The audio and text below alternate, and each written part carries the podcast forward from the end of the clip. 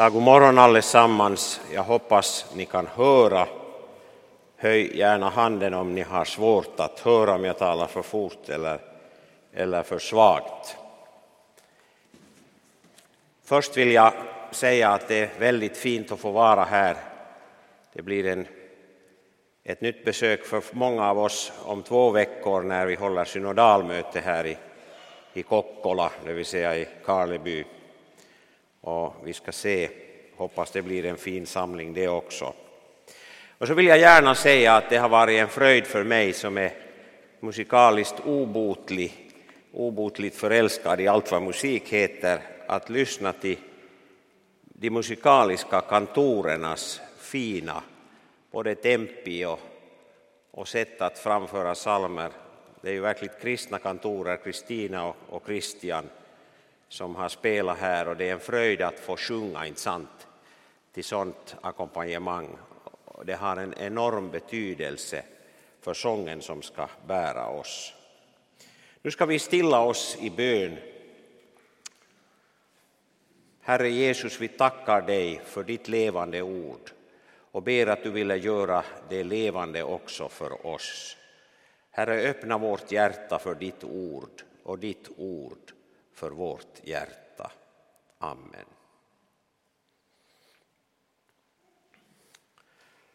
För många år sedan redan så åkte min fru och jag på en bröllopsresa till Island.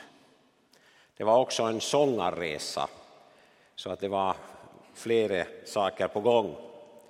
Och då lärde vi känna en överläkare för mentalsjukhuset i Reykjavik som hette Möller. Han och hans fru var barnlösa och eh, de använde all sin tid till att hjälpa särskilt unga människor med, med psykiska svårigheter och, och problem. Och dessutom var eh, doktor Möller ledare för KFUM på Island. Han var en helgad man, en hövding, en som alla respekterade. Och i Island, så, man ska säga i Island, så är KFUM inte bara ett korgbollslag som, som det ofta är, utan där var det ett andligt arbete mycket starkt som vi hade glädjen att besöka. Och när vi några år senare var på nordiskt studentmöte i Reykjavik så fick jag höra av Möllers goda vän i Finland, professor Asser Stenbeck. Jag träffade honom när han länkade på på en väg där jag körde förbi såg jag honom och så sa jag att vi är på väg till Island. Får jag hälsa din goda vän doktor Möller som vi också känner? Jo, sa han, Asser, hälsa gärna, men jag har hört att han är svårt sjuk. Och när vi kom fram till Island, till Reykjavik, så hade Möller fått hembud så han var död. Men vi hade tillfälle att vara med på hans begravning. Och han jordfästes av sin kära svåger som var präst i Skaulholt där kristendomen kom till, till Island, den ort. Och eh, jag var mycket spänd på att, eller satt och väntade på vad hans svåger skulle välja för text när denna hövding denna andliga ledare för det isländska arbetet skulle begravas. Och döm om min förvåning när han valde den förlorade sonen. Liknelsen om den förlorade sonen. Och först tänkte jag så här att är det här nu riktigt en lämplig text för denna stora hövding, andliga ledare och kristna broder. Men mycket snart förstod jag att det är just precis det som det ska handla om. Och vi ska också idag stanna inför denna text, en av de mest älskade i Bibeln och be att våra ögon öppnas för att se det som i den latinska traditionen kallas evangelium in evangelio, evangeliet i evangeliet, som förresten också lilla bibeln brukar kallas det är just liknelsen om den förlorade sonen. Och den talar om frälsningen och det är det som Paulus ber att våra ögon ska öppnas för att kunna se. att han må upplysa era hjärtans ögon så att ni förstår hurdant hopp det är vartill han har kallat er, hur rikt på härlighet hans arv är bland de heliga, skriver Paulus i Efesier 1, 18. Och därför tror jag att detta med den förlorade sonen, som ju inte är Bibelns namn på liknelsen, det är ryggraden i hela den kristna teologin och tron. Rättfärdiggörelsen genom tron alena. Den Gud som söker upp människorna som alla ville vandra sin egen väg men Herren lät allas vår missgärning drabba honom. Vet du att jag ibland har haft en, en mardröm och den mardrömmen går ut på, det innehåller kanske lite ironi också, men den är djupt allvarlig och det är det att ha rätta åsikter i fel frågor. Att gripas av fel frågeställningar så att fokus blir något annat än denna stora, suveräna liknelsen om den förlorade sonen, om rättfärdiggörelsen genom tro. För den Gud som frälsar, han frälsar både den ogudaktige och den egenrättfärdige. Båda, detta självtillräckligheten och det aktiva övertrampen, synden, brottet mot Guds vilja, är motsatsen till Guds rättfärdighet och en styggelse för Gud. Jag kommer ihåg för många år sedan också när jag kom till en kyrka i Sverige, ett litet kapell i Södertälje som brukar kallas den omvända kyrkan. Och det är därför att altaret och dörren ut har bytt plats. Man har svängt där inne så att det som förr var ingången nu altaret och, och, och, och tvärtom. Men jag var i den gamla, det gamla kapellet på Hagaberg i Södertälje och när jag kom in där så slog någonting mig som jag aldrig förr egentligen hade sett. För ovanför altartavlan stod det Guds son har älskat mig. Och jag hajade till, för jag hade tusen gånger talat om att Jesus älskar dig. Och Jesus älskar alla människor. Men när det står Guds son har älskat mig. Jo, jag visste att det var ett bibelord och det stod, tror jag, utskrivet. Nu lever inte mer jag, utan Kristus lever i mig. Och det liv som jag lever i köttet, det lever jag i tron på Guds son som har älskat mig och utgett sig själv för mig. Men det var en så lång sats med som och vilket och var så hur och ack och så vidare. Så det hade drunknat, jag såg aldrig vad där egentligen stod. Och nu är min första bön idag att du och jag och vi var och en ska kunna se detta och få en så här personlig glädje över detta att Guds son har älskat mig. Att vi ser att den förlorade sonen gäller oss alla, det gäller mig.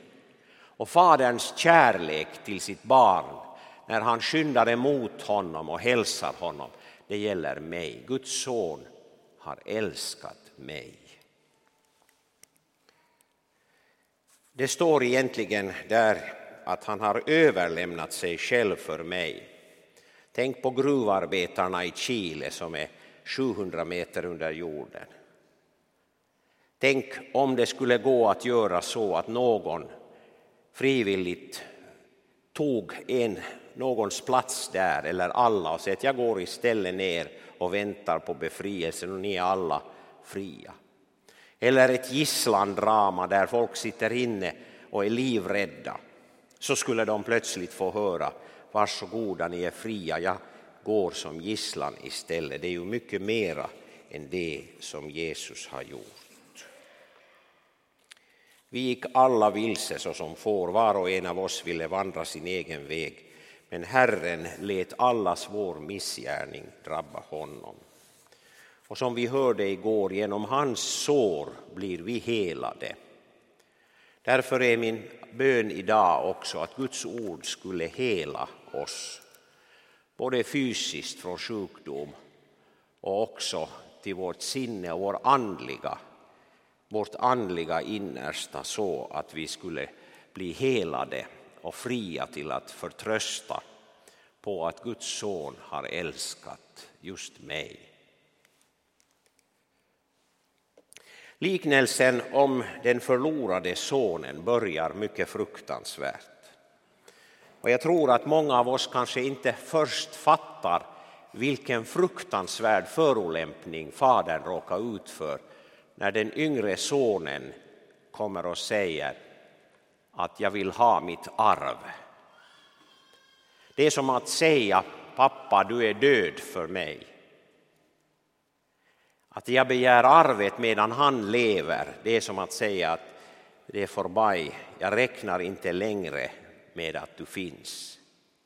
Vilken förolämpning, vilken förödmjukelse av fadern när sonen, den yngre sonen som enligt Mose lag skulle få en tredjedel av arvet, kräver att få sitt och går. Och så står det om denna son att fadern gick med på detta. Sonen skulle förverkliga sig själv. Han packade ihop allt och for långt bort, står det, till ett främmande land. Där förde han ett utsvävande liv och slösade bort det han ägde. Tänk på sonen, han sökte lyckan som inte blev till någonting. Man kunde citera en känd svensk musical och säga att guldet blev till sand. Det blev ingenting av honom. Tänk på den stackars förlorade sonen, den yngre brodern som sa att lyckan är att jag får förverkliga mig själv, ta mitt och gå. Var och en av oss ville vandra sin egen väg. Men tänk på fadern, han som blev förödmjukad, han som gick där hemma och undrade hur det stod till med hans son. Har du barn så kan du ana någonting av smärtan, av oron över detta. Han gick där hemma och undrade hur det stod till med sonen. Han gjorde slut på allt denna son och det gick inte som han hade tänkt. Han började lida nöd. Och det låter som den stora katastrofen men egentligen var det inkörsporten till något nytt, till ett helt nytt förhållande till Fadern. Precis som vi hörde igår när Bo talade om, om detta med, med att vinet började ta slut. Man kunde ju ha skrivit halleluja där i texten, men, men eh, det står ju inte där. Men det var ju det som egentligen var inkörsporten till det stora undre som alla fick se. Till Marias bön och svaret på denna bön.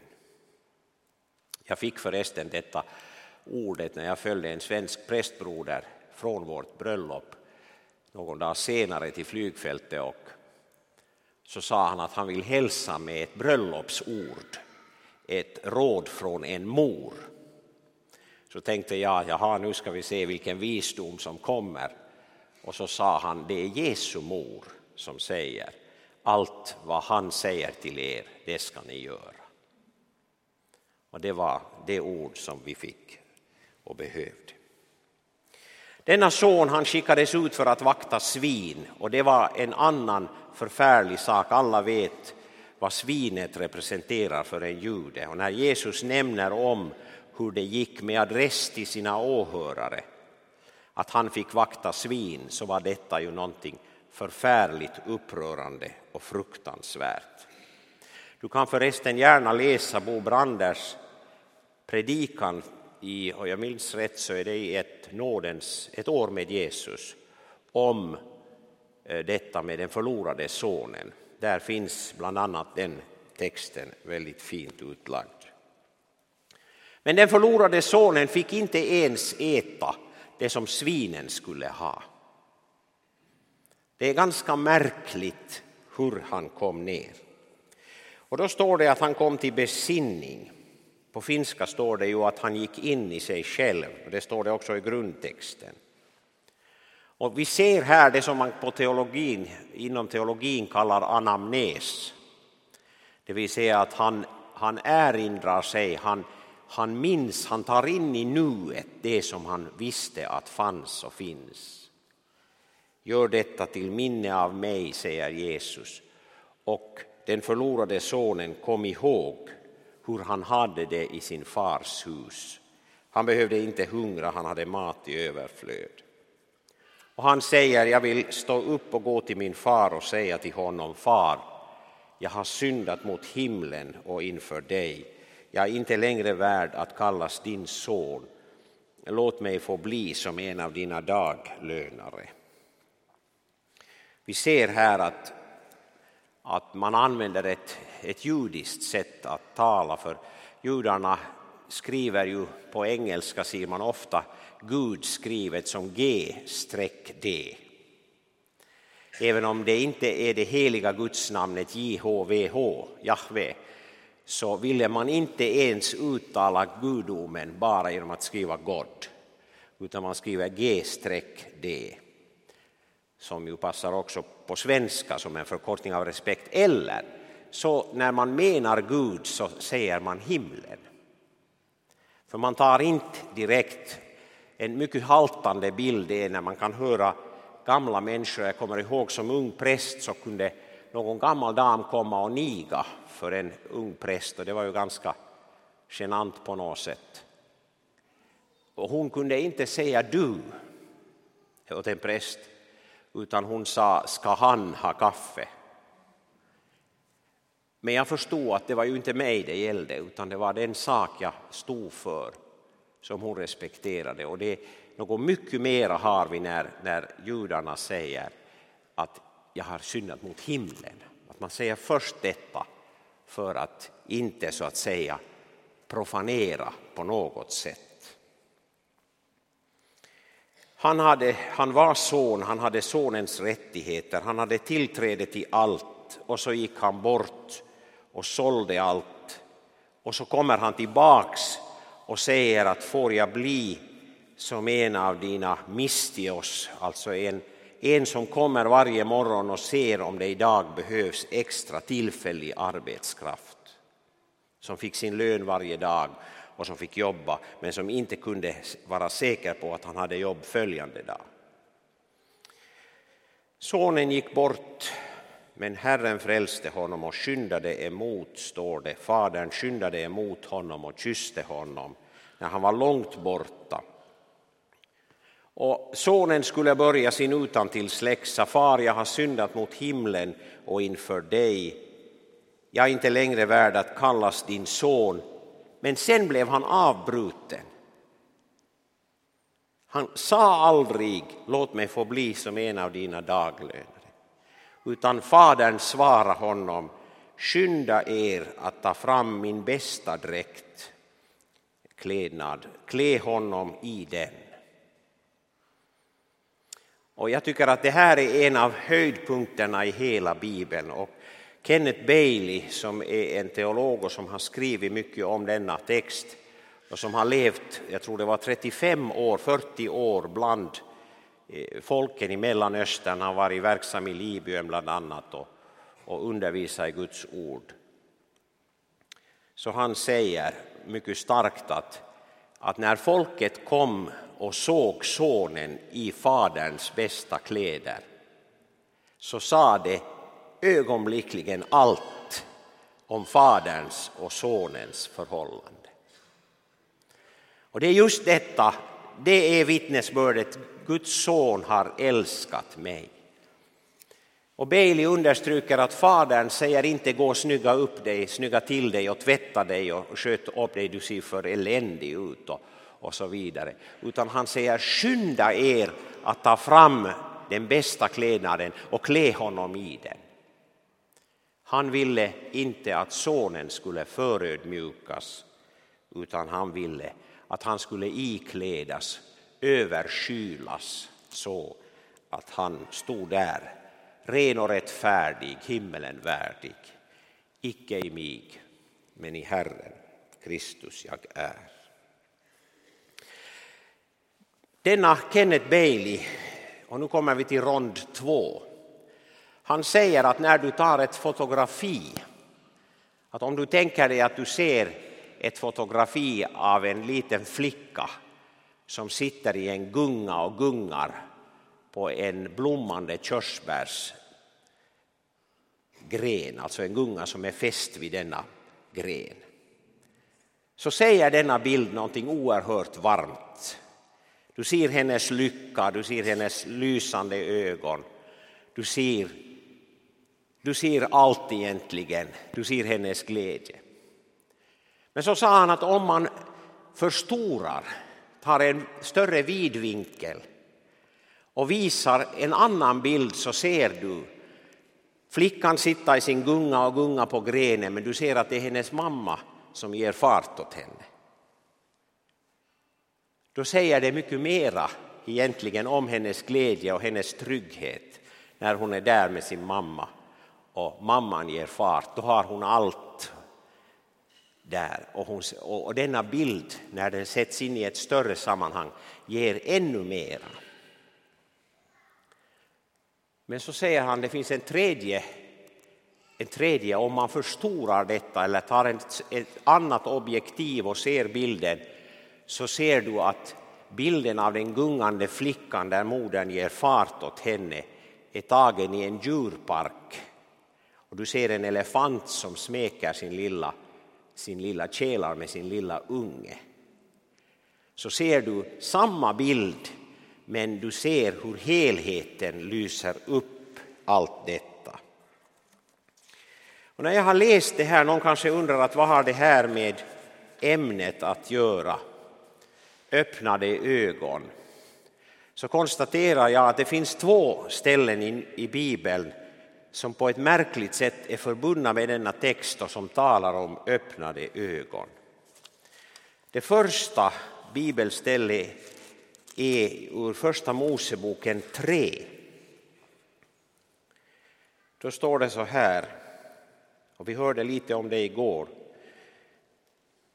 Har Gud verkligen sagt, ni får inte äta av alla träd i lustgården? Kvinnan svarade ormen, vi får äta av frukten från träden i lustgården, men om frukten på det träd som står mitt i lustgården har Gud sagt, ät inte av den och rör inte vid den, ty ni kommer, då kommer ni att dö. Då sade ormen till kvinnan, ni ska visst inte dö, men Gud vet att den dag ni äter av den ska era ögon öppnas så att ni blir som Gud med kunskap om gott och ont. Och kvinnan såg att trädet var gott att äta av och en fröjd för öga.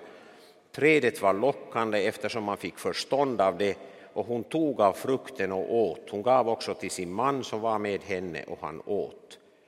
Då öppnades ögonen på dem båda och de märkte att de var nakna och så vidare. Men en av de märkliga saker, märker du vad som står här? Tog och åt och gav Känner du igen tagen och eten?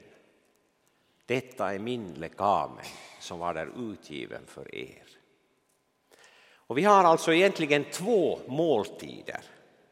Det andra stället nämligen som vi hörde läsas tror jag igår också så var just detta eh, där det talas om öppnade ögon ur Lukas 24. När han låg till bords med dem tog han brödet, tackade Gud, bröt det och räckte åt dem då öppnades deras ögon.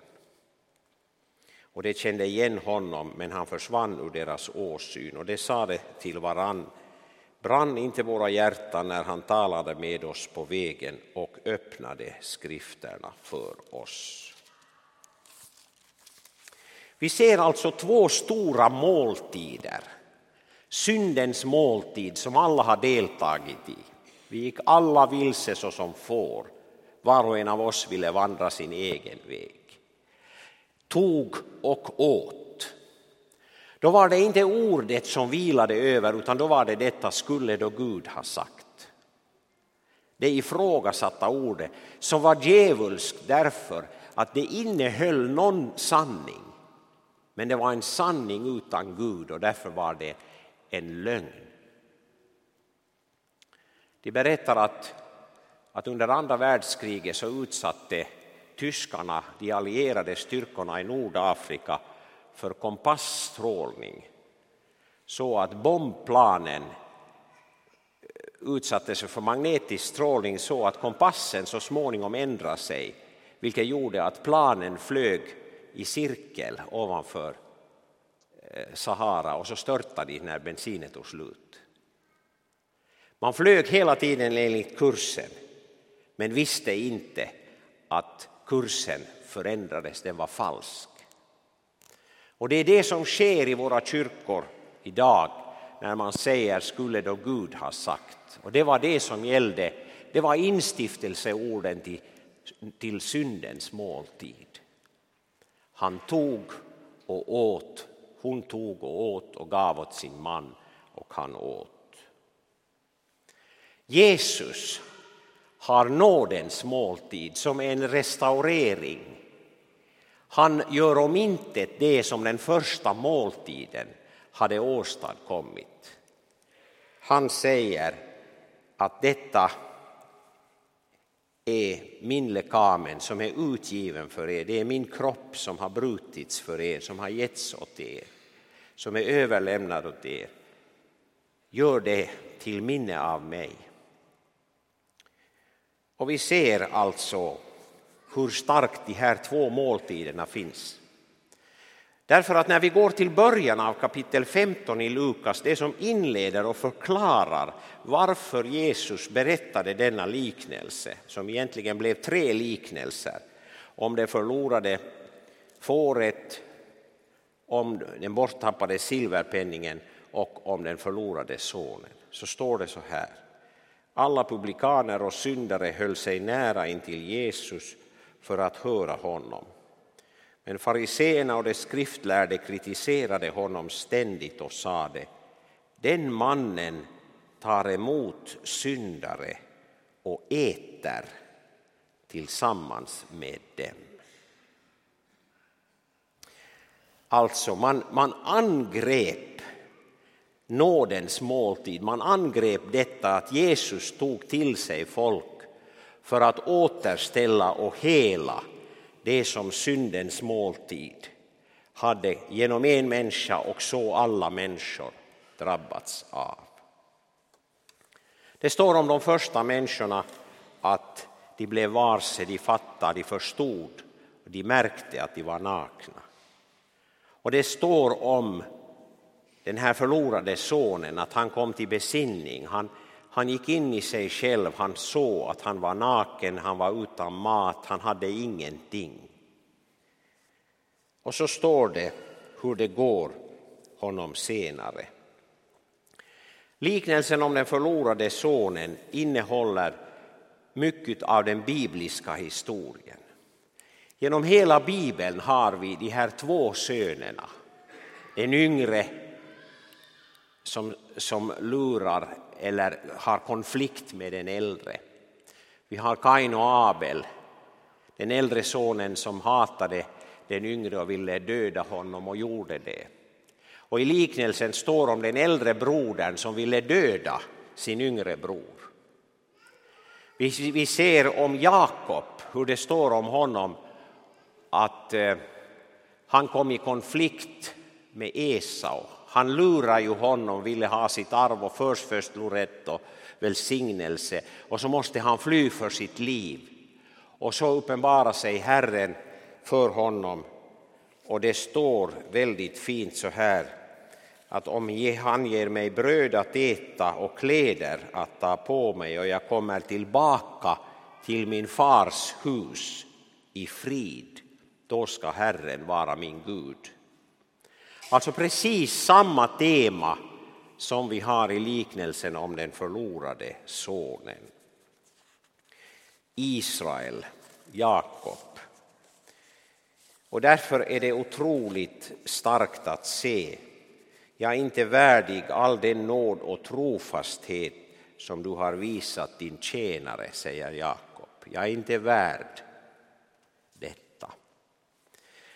Kenneth Bailey säger att den förlorade sonen är Jakobs berättelsen återberättad. Vi vet att, att en jude kan inte säga att nu kan ni lägga, man kan inte säga åt en jude menar jag, man kan säga så här, nu kan vi lägga gamla testamentet åt sidan, glöm det för en stund och nu vill jag säga er något nytt, något helt annat. Då säger den juden nej tack, nej tack. För ingenting annat än det som är skrivet, icke utöver detta kan han ta emot, det har han fått lära sig med modersmjölken. Och därför står det i att Paulus säger, jag säger inte ett annat än vad profeterna och Mose har sagt att ska ske, nämligen att Messias ska lida. Och det är precis samma sak som står i Talmud, det babylonska Talmud, att alla profeterna, verkligen alla, profeterar inte om något annat än om Messias dagar. Det är det som tände när Jesus bröt brödet, det vill säga han öppnade skrifterna för dem. När han åt med dem, det var då de kände igen honom, det var då deras hjärtan brann. Och därför är som sagt denna berättelse om den förlorade sonen, som säkert är en enda berättelse, det är en liknelse som egentligen har fel namn. Det som professor Bailey säger där att det är ju inte den borttappade slanten som var huvudpersonen i den andra liknelsen. Och det var inte heller det borttappade fåret som var huvudpersonen i den första. Utan det var herden som lämnade dessa och sökte det förlorade. Det var kvinnan som sökte efter sin förlorade penning och gladdes med alla. Och det är fadern som har två förlorade söner. Den ena kanske kunde man kalla ogudaktig, en som hade svikit den andra åtminstone egenrättfärdig, som tyckte att, att den där lilla bror, han är nu sån som det inte är värt att ställa till fest för. Fantastiska ord och därför hoppas jag att du och jag alltid i vår tro och i vår teologi och i vår förkunnelse ska ha detta som pansar som, som allt detta, att Kristi rättfärdighet, för dig utgiven, för mig utgiven, för dig utgjutet, för mig utgjutet. Det är det som är Bibelns huvudperspektiv och det är det som alla frågor i tiden det är detta som är huvudinfallsvinkeln. Det var också det som Luther betonade. Och det var också det som han brottades med inför Jakobs brev när han skriver sina förord till Jakobs brev om detta med vad Kristum treibt, det som driver Kristus. Att han sökte rättfärdiggörelsen. Han sökte det evangelium som gäller för en rövare som inte ens kan knäppa händerna i en from bön. Han sökte det evangelium som kan lyfta vem som helst från det djupaste träsk. Kära vän, du och jag är den förlorade sonen. Var och en av oss ville vandra sin egen väg. Om, om den dag när vi ska begravas någon använder den här texten så är det mitt i prick. Därför att den handlar om ett fars hjärta. En far som väntar, en far som älskar, en far som skyndar emot oss och som medan vi ännu är långt borta säger skynda er att klä på honom den bästa dräkten. Och när sonen träder fram i pappas kläder så vet alla i ens mikrosekund att alla diskussioner är slut om skuld, om historia och hur det var och vad, vad, vad som har hänt. Fadern visar i ett ögonblick att han var son, att han var värdig inte i egna kläder, men i sin fars kläder. Han fick ringen på fingret som tecken på makt, på förtroende, precis som Josef fick. Han fick sandalerna på fötterna som talar om friheten. Att han är inte träl, han är fri, han är son. Hela den här texten slutar med de här orden att festen började. Det talar verkligen om nattvarden, om nådens måltid som upprättar syndens måltid. Och det var en som sa mycket bra att de kristna, Eero Junkala som var min företrädare i, i institutet som generalsekreterare, han skriver att i Afrika är det så att de som är kristna, dem finner man i kyrkan på söndag förmiddag.